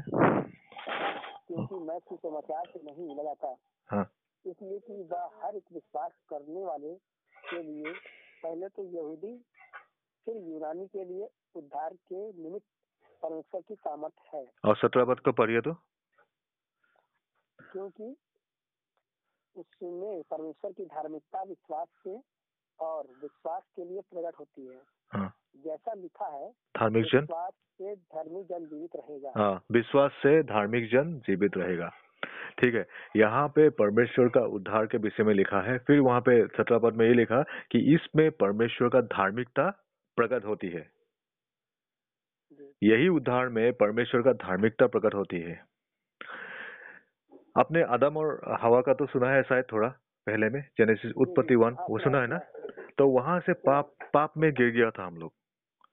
पाप में गिर गया था। वो हम लोग का मान लीजिए ग्रैंडफादर ग्रैंड मदर था। अगर या जो नाना नानी या दादा दादी बोल सकते हैं ठीक है हम सभी का ठीक है? और वहाँ से सब लोगों में पाप घुस आया। अभी पाप के हाँ पाप घुस आया तो पा- सब लोग पापी हो गए थे लेकिन अभी पाप के विषय में मैं बोल रहा हूँ रीजन बहुत बहुत गहरा रीजन है। यही पाप क्या करते यही पाप जो अंदर में आ गया यही शैतान ने परिकल्पना किया था या प्लानिंग किया था कि इस पाप से परमेश्वर का संतान को मैं खत्म कर दूँगा और परमेश्वर को भी बर्बाद कर दूँगा। शैतान ये परिकल्पना किया था। ठीक है? और इसी पाप के कारण अंधकार का पूरा शक्ति एक इंसान के ऊपर आता है। मैंने उस दिन आपको शायद बताया था ना आपके बीमारी परमेश्वर ने नहीं दिया है। बताया था ना मैंने? जी, जी, सो मैं भी अपने बारे में थोड़ा बताना चाहता हूँ। बहुत सालों पहले मैं तेरह साल का उम्र उम्र का था। जब तेरह साल का उम्र का था उस टाइम से मैं दारू पीना शुरू किया था दारू पीने के लिए। तेरह साल का आप सोच के देखिए। और तकरीबन जब मैं बीस साल के बीस साल इक्कीस साल बाईस साल तेईस साल ऐसे जब मेरा मेरा उम्र हो गया तब तब मैंने मैं अपने मैं अ, पूरा पूरी पियक्कर हो गया था। मतलब मॉर्निंग सो के उठने के उठने के बाद मुझे क्वार्टर चाहिए। मतलब उठ के मैं ना दांत मतलब दांत को ब्रश करता था या ना मैं अ, कुछ करता था लेकिन मैं डायरेक्ट मुझे दारू चाहिए था। और मैं रोज अपना हाँ हाँ मैं रोज अपना अलमारी में दारू लेके रखता था। मतलब मुझे तो चाहिए था। मैं बिना पिए नहीं रह रह सकता था। और उसी समय उसी दौरान उसी दौरान बहुत सारा मतलब मुझे हम्म, जो मेरा घर को और मुझे भी भी- क्योंकि मेरे शैतानिक शक्तियाँ मतलब जैसे अ, मेरा नर्व का हैवी नर्व का प्रॉब्लम हो गया था। बहुत बहुत ज़्यादा नर्व का प्रॉब्लम हो गया था। मेरा जो नाखून है ना नाखून हाथ का नाखून क्या होता है? हाथ का नाखून तो थोड़ा लाल लाल होता है ना तो मेरा नाखून भी काला पड़ गया था। जी, पाँव का और हाथ का नाखून काला पड़ गया था और एक साइड दोनों साइड में जैसा पैरालिसिस लकवा के रोग जैसा हो गया था। मतलब चलने में तकलीफ़ होता था हाथ कभी कभी चलने चलता नहीं था पाँव कभी कभी चलता नहीं था बहुत कुछ हो गया था ऐसा। और मैं रोज ढूंढ पर में मतलब मंदिरों में जाता था यहाँ वहाँ जाता था मैं। लेकिन मुझे मुझे वो नहीं हो रहा था मुझे इससे छुटकारा नहीं मिल रहा था। मैं समझ नहीं पा रहा था क्या हो रहा है गड़बड़। तो ऐसे मेरा एक दिन लाइफ इतना दुख का हो गया था क्योंकि मुझे रात में नींद भी नहीं आता था। और दो दो घंटा तीन घंटा सोता था वो भी नींद नहीं आता था। फिर उठ के मैं दारू पीता था फिर कुछ पूरा दिन ट्वेंटी फोर आवर्स मेरा मुख मुख में दारू और शरीर में दारू पूरा दारू ही दारू खाली दारू। मैं दारू को छोड़ना चाहता था लेकिन दारू छोड़ नहीं पाता था। एक ऐसा एक ऐसा शक्ति था कि दारू को पीऊं दारू को ना पीऊं लेकिन एक शक्ति मुझे दारू पिला रहा था। ऐसा हो रहा था। तो मैं कॉन्फर्म हो गया था कि मैं तो मरूँगा। मैं मर जाऊँगा। क्योंकि मुझे जो हो रहा था मुझे मालूम था। मैं मरूँगा ये मेरा मन में विश्वास आ गया था। मेरा मरने का टाइम आ गया है। उसी दौरान तीन साल तीन साल तक तीन साल तक ऐसे जब मैं आते रहता था दारू पी के तो मुझे वाल में जो गली का वॉल था, गली में, जब मेरा घर का गली का, घर का नहीं, मेन रोड से जब आता था, मेन रोड में ऐसे वॉल लेता है ना, कहीं कहीं घरों का वॉल तो किसी किसी जगहों में मुझे एक यीशु मसीह का प्रोग्राम का ऐसा प्रोग्राम होता है ना, मसीह यीशु का, यहाँ, वहाँ तो सेवा होता है ना तो एक पोस्टर दिखता था, कागज़ का पोस्टर मतलब इतना भी मतलब जस्ट सिंपल पोस्टर। तो तीन साल, दो, एक साल देखा ध्यान नहीं दिया। दो सेकेंड साल भी देखा, मैंने ध्यान नहीं दिया। जब थर्ड साल आया, उस टाइम मुझे लगा मुझे जाना चाहिए एक बार। मेरा सब कुछ खत्म हो गया था। मेरा माँ और मेरा पिताजी बोलता था कि तुम हमें मार डालो, क्योंकि हम नहीं देख सकते हैं, तुम मर जाओ। तुम्हारा चिता हम नहीं देख सकते दे सकते हैं। तो मैं मतलब पूरा निराश हो गया था। मेरा मन में पूरा निराश, पूरा अंधकार। कोई नहीं था। दोस्त लोग भी छोड़ दिया। कोई भी पड़ोसी भी पसंद नहीं करता है। घर का आदमी भी पसंद नहीं करता है। कोई भी पसंद नहीं करता था मुझे। मैं एकदम अकेला पड़ गया था और मैं, मेरा पूरा अंधकार मेरा मन और हृदय में भर गया था। पूरा निराशा, दुख, अशांति, पीड़ा सब कुछ। किसी को समझा नहीं पाता था क्या हो रहा है मुझे। कोई क्योंकि सुनने का किसी के पास समय नहीं है। लेकिन अंदर में एक आवाज़ था। कि परमेश्वर कुछ करेगा मुझे भला करेगा। परमेश्वर कुछ करेगा ऐसा कुछ कॉन्फिडेंस मतलब एक अंदर में एक एक थोड़ा सा मतलब मतलब आशा का किरण मुझे थोड़ा एकदम थोड़ा ऐसा था अंदर में कुछ आवाज़। जो हम सभी का आता है ना हम लोग का अंदर में हाँ, कुछ तो भला होगा ऐसा आता है ना वही परमेश्वर का आवाज़ है। तो तो उस थर्ड टाइम मैंने गया। जब जब तीन तीनवा थर्ड थर्ड साल हुआ उस टाइम मैंने वो प्रोग्राम में गया। और प्रोग्राम में भी मेरा पॉकेट में दारू था। दारू लेके गया बिना दारू में नहीं रह सकता है। तो मैं दारू का बोतल सवेरा ही बढ़िया से मैं राम पीता था।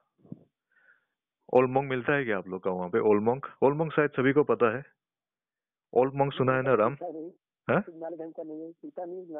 नहीं जानते सॉरी माफ़ कीजिएगा। लेकिन ओलमोंग नाम का एक दारू मतलब रम है रम बोलते हैं रम और वो ठंडे का ठंडे का जगह में लोग खूब पीते हैं और वो वो बहुत एक बार भाई जो है हाँ। छोटा भाई बार पचास ग्राम का हाँ। शीशी ले आया था हाँ। लेटरिन नहीं हो रही थी हाँ। तो पी लोगे तो लेटरिन में जाएगा पेट सही जाएगा। हाँ। तो एक शीशी उसने पिला दिया था और हाँ। पीने के बाद हाँ। मैं चलूँ तो थोड़ा सा हाँ हाँ। हमको हँसी आए हाँ बार तो उठा उठाया और सो गया। हाँ हाँ। फिर दोबारा हमने नहीं लिया हाँ हाँ हाँ हाँ हाँ। तो तो ये दारू यही यही मैंने इसको पानी का बोतल में घुसा के मैंने लेके गया था। लेके गया के वहाँ पे बैठा है। मॉर्निंग से मतलब शाम तक प्रोग्राम था तो मैंने सोचा मॉर्निंग में निकल जाता हूँ वहीं पे दारू सारू पी के बढ़िया से एंजॉय मतलब रहता हूँ। क्या करूँगा कोई तो नहीं है वो प्रोग्राम में ही थोड़ा ऐसे ही जाता ऐसे ही गया मतलब। मन में थोड़ा आशा था लेकिन मैं तो सब घुमाए मंदिर गया गुरुद्वारा गया यहाँ हुआ सब गया। लेकिन कुछ सॉल्यूशन नहीं मिल रहा था। मैं भी ये भी सोच रहा था ये ये ये भी यहाँ पे जाऊँगा थोड़ा बैठ के आता हूँ मन ठंडा होगा। जस्ट मेरा ऐसा एक विचार था। अपना गए हर जगह जा चुके हम। हाँ हर जगह हम भी जा चुके हैं, बैठ गए हम भी। हाँ हाँ तो हाँ। अब कहीं कुछ मेरा भी करना है, है। हाँ। हाँ इसके अलावा कहीं और नहीं जाना हमको हाँ। फिर वहीं पे जब बैठ रहे थे मैंने यही सुसमाचार को सुन रहा था। और वहाँ पे जो अभी देखिए मैं अभी आप मुझे जानते हैं लेकिन वहाँ पे मुझे कोई नहीं जानता था। क्योंकि एक पब्लिक प्रोग्राम होता था मैं ऐसे पब्लिक की तरह गया था। और उस दिन मैं जब प्रभु यीशु मसीह का सुसमाचार को सुन रहा था जैसे यहाँ लिखा है कि प्र, अ, प्रभु यहाँ पे क्या लिखा है? कि मैं प्रभु यीशु मसीह का सुसमाचार से नहीं जल जाता। वो परमेश्वर परमेश्वर का सामर्थ्य है उद्धार के लिए सभी के लिए जो भी विश्वास करता है। ये कोई भी वचन में नहीं जानता था।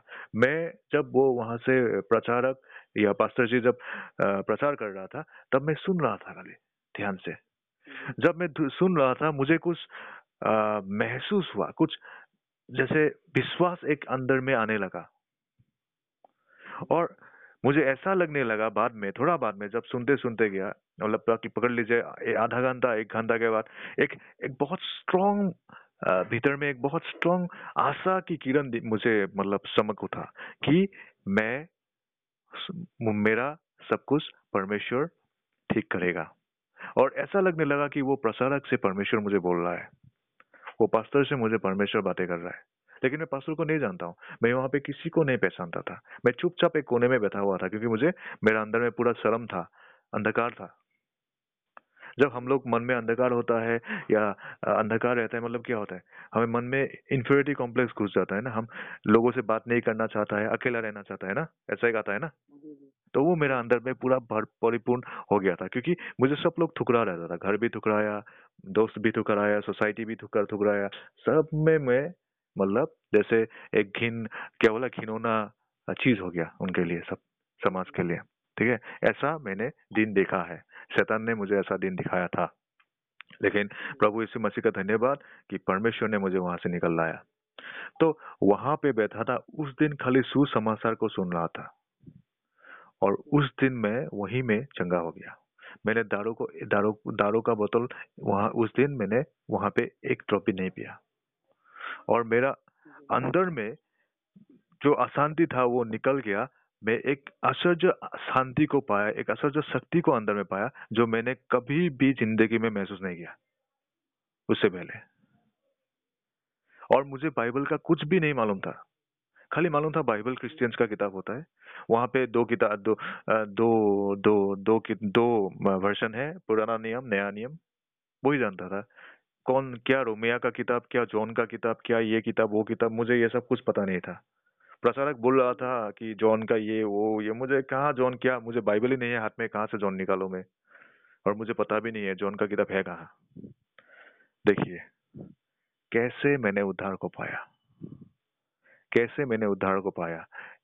ठीक है, अभी हम कैसे उद्धार को पाते हैं या मैं कैसे उद्धार को पाया, वो मैं आपको वचन के द्वारा दिखाऊँगा। जॉन का सिक्स सिक्सटी थ्री को देखिए तो। हर एक मनुष्य जॉन का सिक्स सिक्सटी थ्री से का सिक्स सिक्सटी थ्री। है? यूहुन्ना सॉरी यूहुन्ना यूहुन्ना का हाँ, सुसमाचार का यूहुन्ना सुसमाचार अध्याय छः और sixty three six sixty three. का तीन पार्ट है नहीं नहीं एपिस्टल नहीं gospel gospel. Gospel gospel John Matthew मथी मथी मार्क मथी के बाद मार्कुस आता है मार्कुस के बाद लूका आता है लूका के बाद जी यूहन्ना आता है। अच्छा खाली यमुना एपिस्टल यूहन्ना ना है। तो, हाँ, हाँ।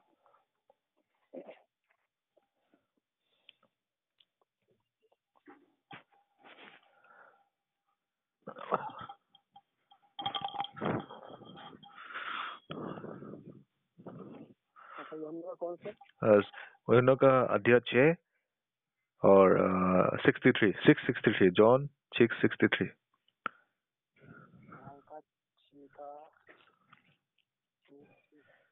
हाँ सिक्सटी थ्री इसमें है ना आपका अनंत जीवन के वचन। हाँ John six sixty three six का सिक्सटी थ्री। ये है जी। आत्मा जो जीवनदायक है हाँ। शरीर से कुछ लाभ नहीं। होता। जो बातें मैं हाँ। मैंने तुमसे कही है हाँ। वे आत्मा है। हाँ।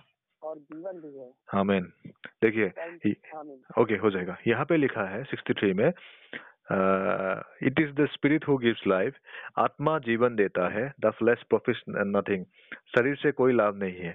The words that I speak to you are spirit and they're life जो वचन मैं तुमसे बोलता हूँ जो वचन मैंने तुमको बोला है वही आत्मा है और वही जीवन है। यीशु मसीह बोल रहा था कि मैंने जो तुमको वचन बोला है वही वचन आत्मा है और जीवन है। मूल बात वही उसने बोला है ना उन्होंने? है कि नहीं? तो परमेश्वर का वचन क्या है? परमेश्वर का वचन क्या है? परमेश्वर का आत्मा है। और जीवन है। और परमेश्वर का वचन क्या है? यूहन्ना का एक एक में चलिए तो जॉन वन वही किताब का एक अध्याय में चलिए। हाँ।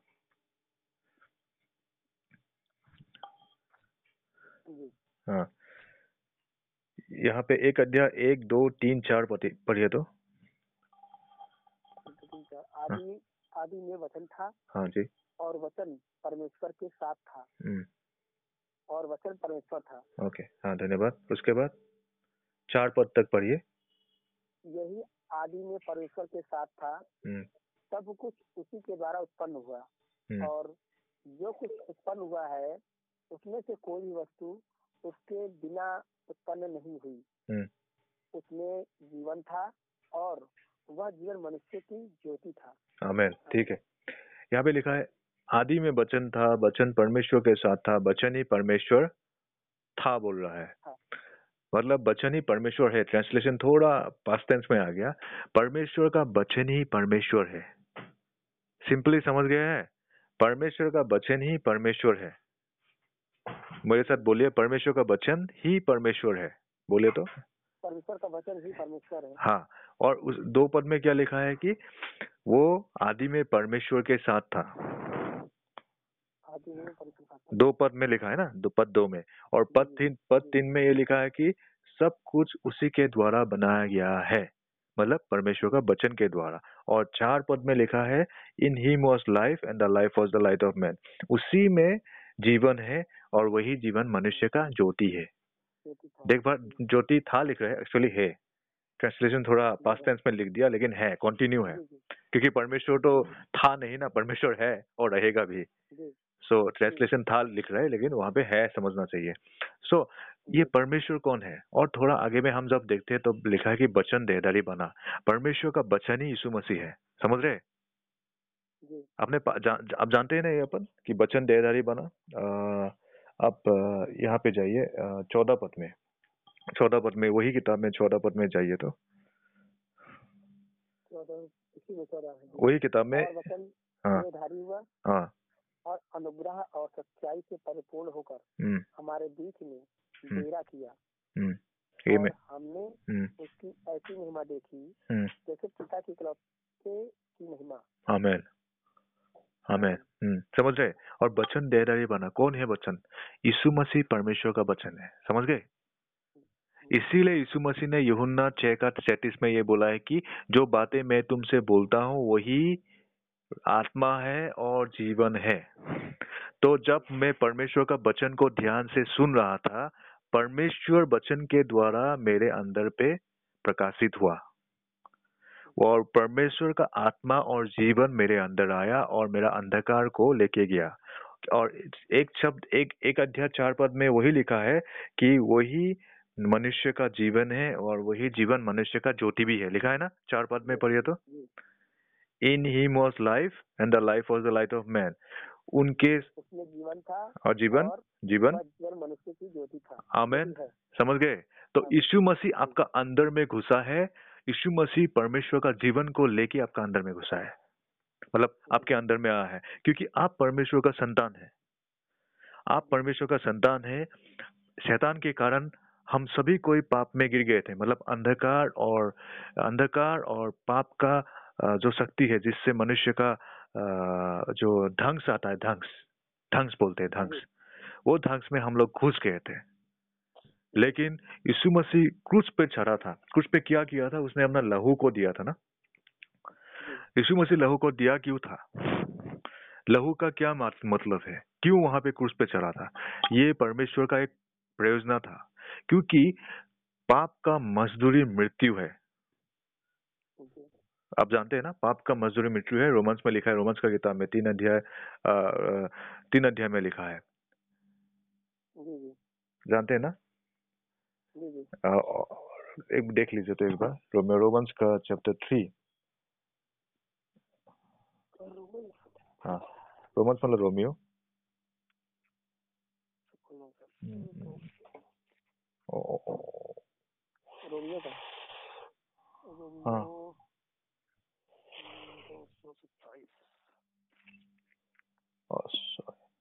पे रोमियो कौन सा? एक मिनट हाँ एक सेकंड।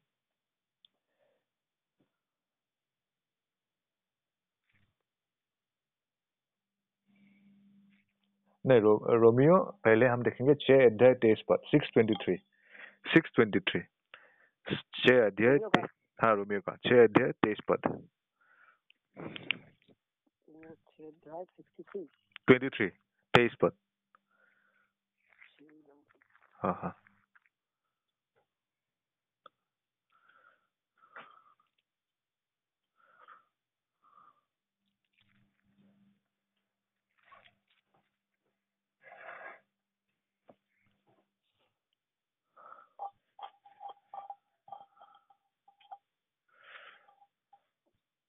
छह थ्री छह थ्री कुछ नहीं रोमियो बोल रहे हैं रोमियो रोमियो अध्याय अध्याय छह पद तेईस ट्वेंटी थ्री ट्वेंटी थ्री हाँ हाँ ट्वेंटी थ्री ट्वेंटी थ्री हाँ सर क्योंकि पाप की मजदूरी तो मृत्यु है। हाँ।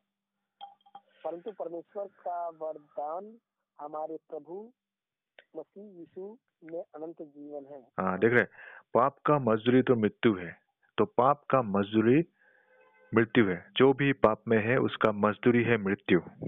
मतलब मृत्यु तो यहाँ पे होता है लेकिन अनंत काल का मृत्यु जो नरक का होता है।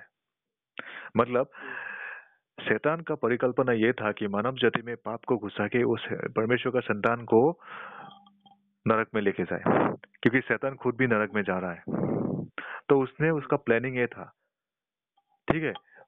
और इसी को घुमाने के लिए क्योंकि हम लोग पापी इसलिए नहीं बना क्योंकि हम लोग पाप करते हैं। हम लोग पापी इसलिए बना क्योंकि आदम का पाप के लिए। उससे पाप घुसा। उससे पाप घुसा। जो हम लोग पाप करते हैं वो पाप का फल है। मतलब पेड़ का पकड़ लीजिए जो बीज पाप है उसका पेड़ पकड़ लीजिए अंदर में है और उससे जो हम लोग जो पाप करते रहते हैं संसार में जो भी पाप हो रहा है वो उसका फल है। ठीक है? इसलिए मनुष्य अच्छा करना चाहता है लेकिन वो कर नहीं पाता है ना? सब मनुष्य का अंदर में एक चाहत है कि वो अच्छा करे लेकिन वो बुरा ही करता है। तब तक वो करता है जब तक वो पाप का उद्धार को नहीं पाता है। जब वो पाप का उद्धार को पाता है परमेश्वर का आत्मा उसे पाप से दूर लेके चलते जाता है। उससे पाप होता है लेकिन पाप से दूर लेके चलता है और अल्टीमेटली वो जब सत्य को जानते जाता है वो पाप से दूर हो जाता है पूरा। ठीक है? सो पहला बात है कि पाप का मजदूरी मृत्यु है। और दूसरा बात यहाँ पे बोला है कि परमेश्वर का उपहार अनंत जीवन प्रभु यीशु मसीह में है। क्या वहाँ पे ट्रांसलेशन क्या लिखा है? हिंदी में थोड़ा पढ़िए तो एक बार फिर से आप पूरा फोकस करके पढ़िएगा ठीक है? हाँ। क्योंकि पाप की मजदूरी तो मृत्यु है। हाँ हाँ। ठीक है उसके बाद? परंतु परमेश्वर का वरदान हाँ। हमारे प्रभु मसीह यीशु के? में अनंत जीवन है परमेश्वर का वरदान मतलब उपहार या वरदान हाँ ठीक ही है की बात। तो परमेश्वर का वरदान मसीह यीशु के द्वारा अनंत जीवन है। अभी ये अनंत जीवन क्या है? जो हम बचपन से स्वर्ग और नरक और परमेश्वर सुनते आ रहे हैं है ना? और स्वर्ग जो स्वर्ग अनंत जीवन परमेश्वर कहाँ पे है? स्वर्ग में है। और स्वर्ग क्या है? स्वर्ग एक पूरा पवित्र स्थान है। वहाँ पे कोई भी दुख अशांति नहीं है कोई भी पीड़ा नहीं है कोई भी आ, पाप नहीं है किसी भी तरह का पाप या अंधकार नहीं है। वहाँ पे अनंत परमे, वहाँ पे अनंत जीवन है। अनंत खुशियाँ है। अनंत प्रेम है। सब प्रकार का भले चीज़ें है वहाँ पे, जो हम कल्पना भी नहीं कर सकते हैं। ठीक है? जो बाइबल थोड़ा थोड़ा हमें बताया है, वही हम जानते हैं। ठीक है? वहाँ पे रिवोल्यूशन में बोला है। रिवोल्यूशन मतलब आ, हिंदी में क्या होगा नहीं मतलब प्रकाशित बाइक क्या होगा शायद। तो रिवोल्यूशन बाइबल का अंतिम किताब में ये लिखा है कि वहाँ पे सबका आंसुओं को पोछा जाएगा और वहाँ पे कभी भी वो लोग दुखी नहीं होंगे। मतलब अनंत जीवन है पिताजी जो हमारे पिता है स्वर्ग पिता स्वर्ग में रहने वाले पिता या सबका पिता है जो उनका जीवन फिर से वापस हमें मिलने जो मिल गया। परमेश्वर में अनंत जीवन है कि नहीं? परमेश्वर कभी नाश नहीं होता है। सो so, वही जीवन को हमारे पास फिर से वापस हमें मिलने के लिए पाप से मुक्त होना था। तो उसी को पाप से मुक्त किया प्रभु यीशु मसीह का लहू ने। क्योंकि प्रभु यीशु मसीह का लहू क्या है? परमेश्वर का लहू है कि नहीं? बता सकते हैं ना ऐसे? मनुष्य का तो लहू नहीं है। तो उस लहू से पाप को हटा दिया। वो लहू पृथ्वी में जब गिरा था पहला बार क्या लिखा था? The wages of sin is death पाप का मजदूरी मृत्यु है। तो इसलिए प्रभु यीशु मसीह ने हमारे लिए मृत्यु को लिया था। हमारे जगह में उसने मृत्यु को लिया। उद्धारकर्ता कौन होता है? किसको हम उद्धारकर्ता बोलते हैं? फॉर उदाहरण स्वरूप से आपका गाँव आपका गाँव से गाँव का मुखिया से मैंने पैसा लिया। उधार लिया ठीक है? मान लीजिए मैंने एक लाख रुपया आपका गाँव का मुखिया से उधार लिया। फिर मैं चुका नहीं पाया। आप आके चुका दिया। आप मेरे जगह में आके गाँव का मुखिया को बोला ये लीजिए एक लाख मैं दे दिया हूँ। हम्म, मैं पास्टर जी का मैंने एक लाख रुपया आपको दे दिया हूँ। अभी आप मेरा उद्धारकर्ता बन गया कि नहीं? आपने मेरे लिए कीमत को चुकाया। क्या चुकाया? पैसा एक लाख। तो इसी तरह यीशु मसीह ने हमारे पापों के कारण पहला बार हमें पापों के कारण क्योंकि पाप का शक्ति के कारण सब प्रकार का अंधकार आता है। बीमारी। बीमारी गरीबी सब प्रकार का अंधकार जो भी आप कल्पना कर सकते हैं सब कुछ उसी के द्वारा आता है। इसीलिए उसको ही हटा दिया। शैतान का प्लानिंग है ये। प्लानिंग था ठीक है? दूसरा एक वचन देखते हैं। इब्राहिम का नौ का तेईस नौ का बाईस पद का हाँ। इब्राहिम। इब्राहिम हिब्रू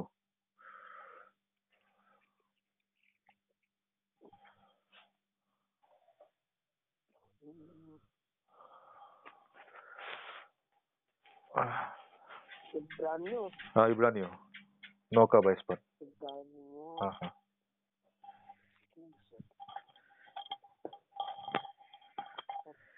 सर कौन तीन का दो?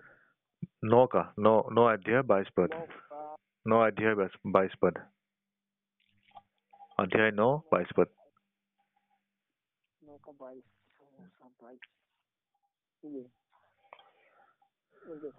हाँ। सच तो यह है कि व्यवस्था के अनुसार हाँ। प्रायः सब वस्तुएँ लहू के द्वारा शुद्ध की जाती है। हम्म। और बिना लहू बहाए पापों की क्षमा नहीं। हम्म देखा आमीन। तो अकॉर्डिंग टू लॉ व्यवस्था व्यवस्था मतलब परमेश्वर का जो व्यवस्था था उसके आधार में सभी कुछ लहू के द्वारा शुद्ध की जाते हैं। और बिना लहू बहाए पापों का क्षमा नहीं। क्लियरली लिखा है ना? और यही किताब को अगर पढ़ेंगे आप देख पाएँगे कि यहाँ पे ऐसा भी लिखा है कि गाय और बैल और ऐसा कुछ जो बेर बकरिया से लहू से कभी भी पापों का क्षमा नहीं हो सकता है। यहाँ जिसे हम पहले लोग करते थे कि हाँ बलिदान करते थे हाँ हाँ हाँ वहाँ से कभी पा जी जी जी जी कभी भी हो नहीं हो सकता है ऐसा लिखा है ना। तो अभी लहू चाहिए था अभी मेरे पापों के लिए मेरा लहू दूँगा तो मैं जीऊँगा कब? ऐसा हो गया ना? तो इसीलिए प्रभु यीशु मसीह ने अपने लहू को बहाया था। और वही लहू के द्वारा इस पाप को हमारे जीवन से हमेशा के लिए उसको वो धो दिया, उनके लहू से। क्योंकि प्रभु यीशु मसीह के प्रभु यीशु मसीह से आपके पापों का जितना भी शैत- शैतान का शक्ति आपके अंदर कब तक था? जब तक आपके अंदर में उसका पाप का बीज अंदर में था। आपके अंदर अभी शैतान का शक्ति कुछ भी नहीं है। क्योंकि यीशु मसीह का, जिस दिन आपने मसीह यीशु पे परमेश्वर का इकलौता संतान में विश्वास किया है, उनको आप पुकारा है अपना दिल से, उस दिन ही आपके पापों का समा हो गया है। मतलब उस दिन ही आपका शैतान का आपके ऊपर जितना पावर था, आपके ऊपर, विशेष रूप से, वो पावर वहाँ से खत्म हो गया। इसीलिए मैं किस दिन उद्धार पाया था? मुझे तो मुझे तो मैंने, मुझे कोई, कि कोई पास्टर या किसी को मैं नहीं जानता हूँ उस टाइम मैं वहाँ पे बैठा था, क्या सुन सुन रहा था? वही सुन रहा था रोमन्स का 1 16 17 में जो हमने पहले पढ़ा, कि for I am not ashamed of the gospel of Jesus Christ मैं प्रभु यीशु मसीह का सुसमाचार से नहीं लजाता क्योंकि वो परमेश्वर का सामर्थ है उद्धार के लिए, जो भी विश्वास करता है। पहले जिहूदी, उसके बाद यूनानी। उसके बाद सत्रह पद में क्या लिखा है? For in it the righteousness of God is revealed उसी में परमेश्वर का धार्मिकता प्रकाशित होता है, विश्वास के द्वारा। क्योंकि धार्मिक जन विश्वास से जिएँगे। लिखा है ना ऐसा? इसका मतलब क्या है? जो अभी जब यीशु मसीह यीशु मसीह जगत में आया और जगत का पाप को जब उठाया था, तब उसने अपना धार्मिकता को, परमेश्वर का धार्मिकता को उसी उद्धार में रखा था। मतलब अभी आपका ऊपर में और आपका ऊपर में परमेश्वर का धार्मिकता पहनाया गया है। मतलब जो पवित्रता परमेश्वर के पास है वो आपका ऊपर दे दिया गया है। समझ रहे? और आपका आपका ऊपर दे दिया गया। इसीलिए वो धार्मिकता को कभी भी शैतान उसको पेनिट्रेट नहीं कर सकता है। समझ रहे ना बात को? तो धार्मिक जन विश्वास के द्वारा जिए जिएगा बोल रहा है। तो उस समय जब मैं वहाँ पे बैठा था मेरा अंदर में क्या था? विश्वास था। आपके अंदर में अभी क्या है? विश्वास है ना? है कि नहीं? अब तो अविश्वास नहीं अभी आपके अंदर अविश्वास तो नहीं है विश्वास ही। है और यदि भी हाँ हाँ अंदर तो विश्वास ही है तो वही विश्वास से बैठा था।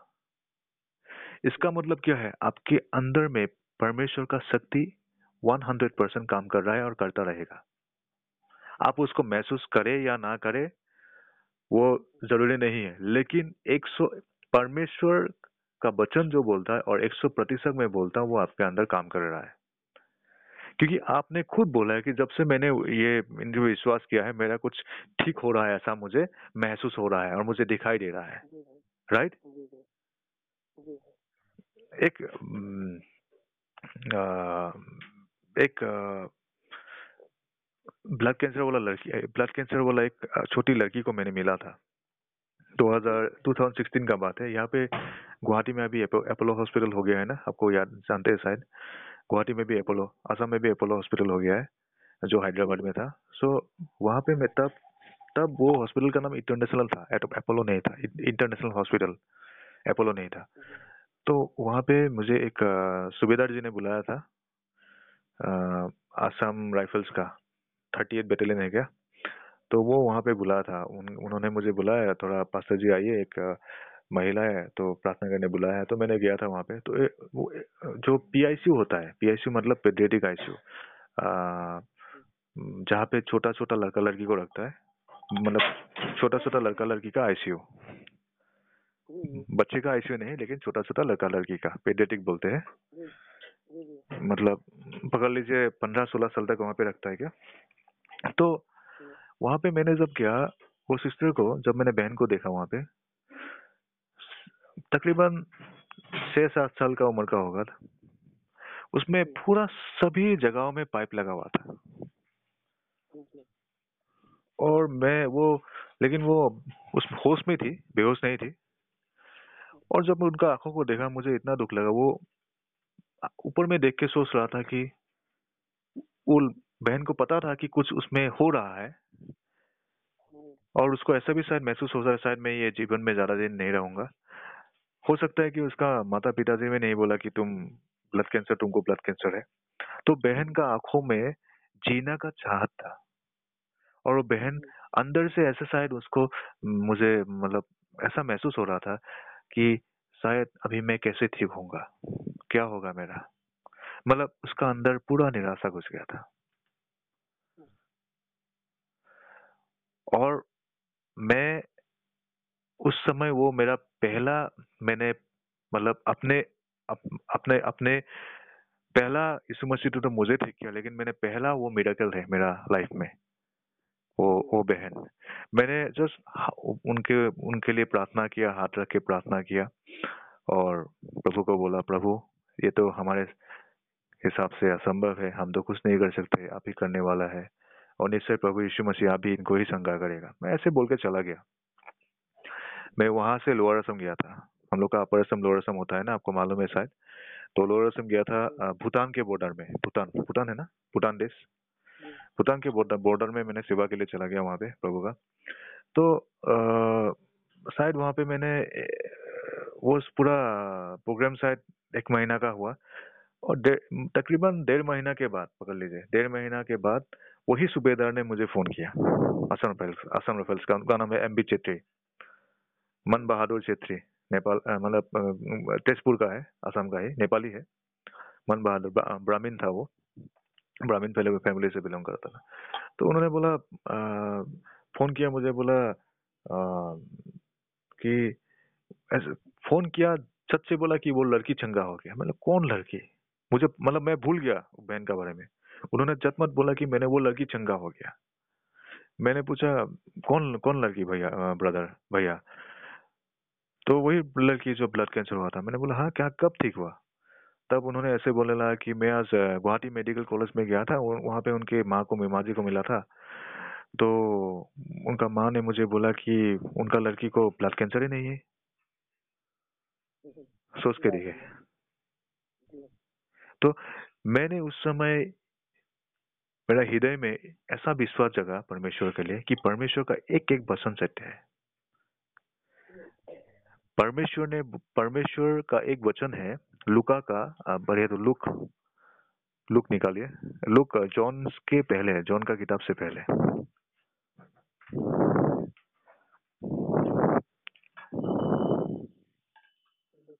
हाँ। लुका एक का थर्टी सेवन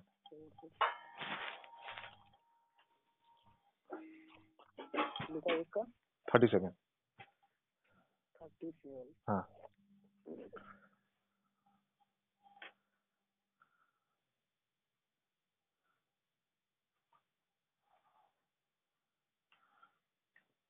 पढ़िए तो।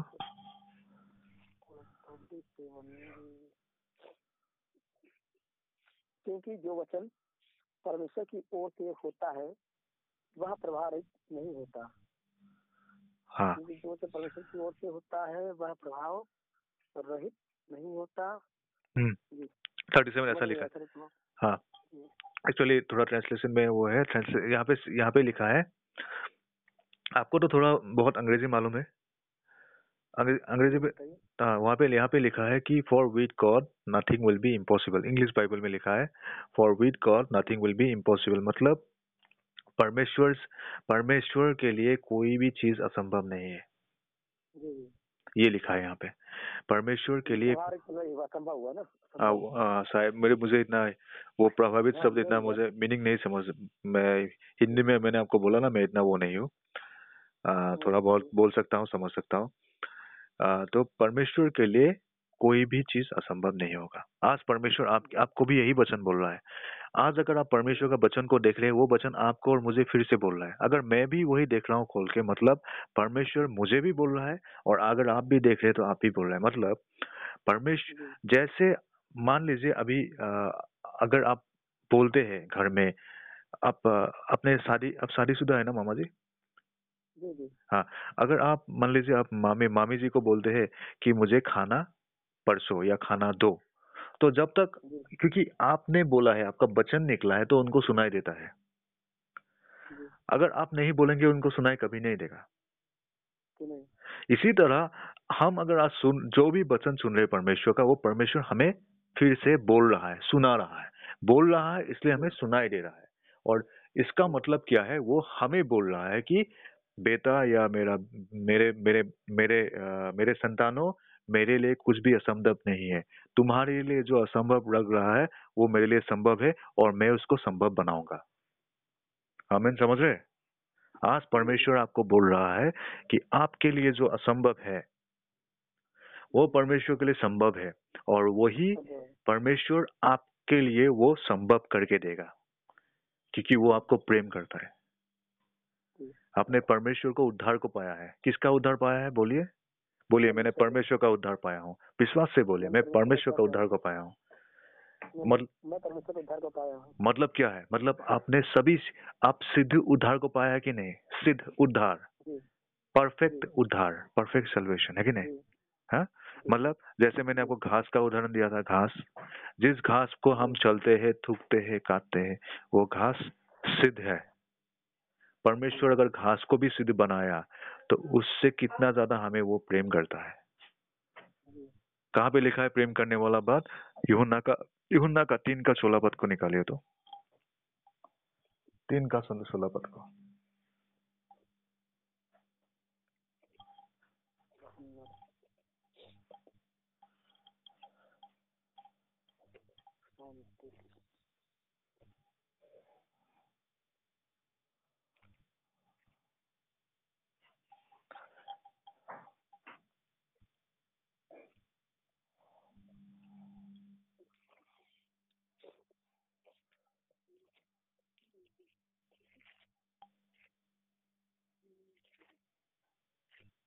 यानी सर तीन का सोलह सोलह को तीन का सोलह हाँ सर क्योंकि परमेश्वर ने जगत से ऐसा प्रेम रखा कि हाँ रुकिए अपना इकलौता पुत्र बस बस रुक जाइए यहाँ पे क्या आपने क्या बोला आपने क्या- वहाँ पे क्या लिखा है कि परमेश्वर ने जगत से इतना प्रेम किया कि वो अपना इकलौता पुत्र ही दे दिया कहाँ पे दिया क्रूस पर चढ़ा दिया जी जी किस लिए जगत को इतना प्रेम किया जगत में कौन कौन है आप और मैं हम हम- वो सभी मतलब हम हम सभी को हम सभी को इतना प्रेम किया उसने अपना एकलौता पुत्र को ही क्रूस पर चढ़ा दिया। मतलब क्रूस पे चढ़ना इतना एक हम बोल इतना एक सहज चीज़ नहीं है। एक इजी इजी चीज़ नहीं है। आपने शायद यीशु मसीह का मूवी भी देखा है? हाँ हाँ। तो क्रूस पर चढ़ना इतना इजी नहीं है। लेकिन यीशु मसीह ने हमारे लिए उठा था और परमेश्वर ने अपना प्रेम को कहाँ पे दिखाया कि मैं तुमको इतना प्रेम करता हूँ कि मैं अपना पुत्र को पुत्र को पुत्र को मैंने मार दिया मार दिया था। लेकिन वो जीवित उठा जी उठा फिर से। है कि नहीं? लेकिन पुत्र मर गया था कि नहीं? यीशु मसीह वहाँ पे मर गया था। वहाँ पे ज़िंदा नहीं था। वो, वहाँ पे उसको कष्ट को भोगा था। हमारे लिए। तो इसीलिए आज परमेश्वर फिर से आपको बोल रहा है वो आपको बहुत प्रेम करता है। आपको हमेशा प्रेम करता है और हमेशा प्रेम करते रहेगा क्योंकि वो आपके पाप और अधर्मों को और स्मरण नहीं करेगा क्योंकि उसने आपका पाप को हटा दिया प्रभु यीशु मसीह के लहू के द्वारा। आप अभी पापी नहीं है। वचन क्या बोलता है आपके बारे में?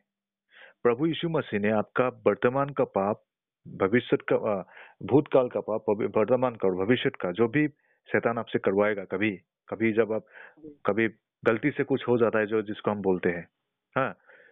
सब कुछ उसने उठा लिया है परमेश्वर का वचन बोलता है मैं नहीं बोलता हूँ।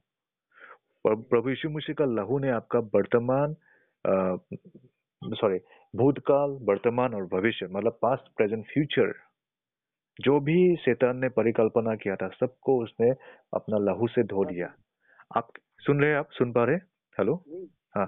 आपके हाँ। आपके ऊपर परमेश्वर ने आपका धार्मिकता को दिया है। आपके ऊपर कौन सा धार्मिकता है बताइए? बोलिए मेरे पास परमेश्वर का धार्मिकता है। बोलिए तो मेरे मेरे पास परमेश्वर का धार्मिकता है। मेरे पास परमेश्वर की धार्मिकता है। परमेश्वर का धार्मिकता है। परमेश्वर का धार्मिकता है। हाँ, आमीन ओके। तो हाँ अ, हम कहाँ पे देख सकते हैं कि पहले पहले हम देख लेते हैं कि आपको परमेश्वर ने कैसे कहाँ पवित्र किया है वो देखते हैं। फिर से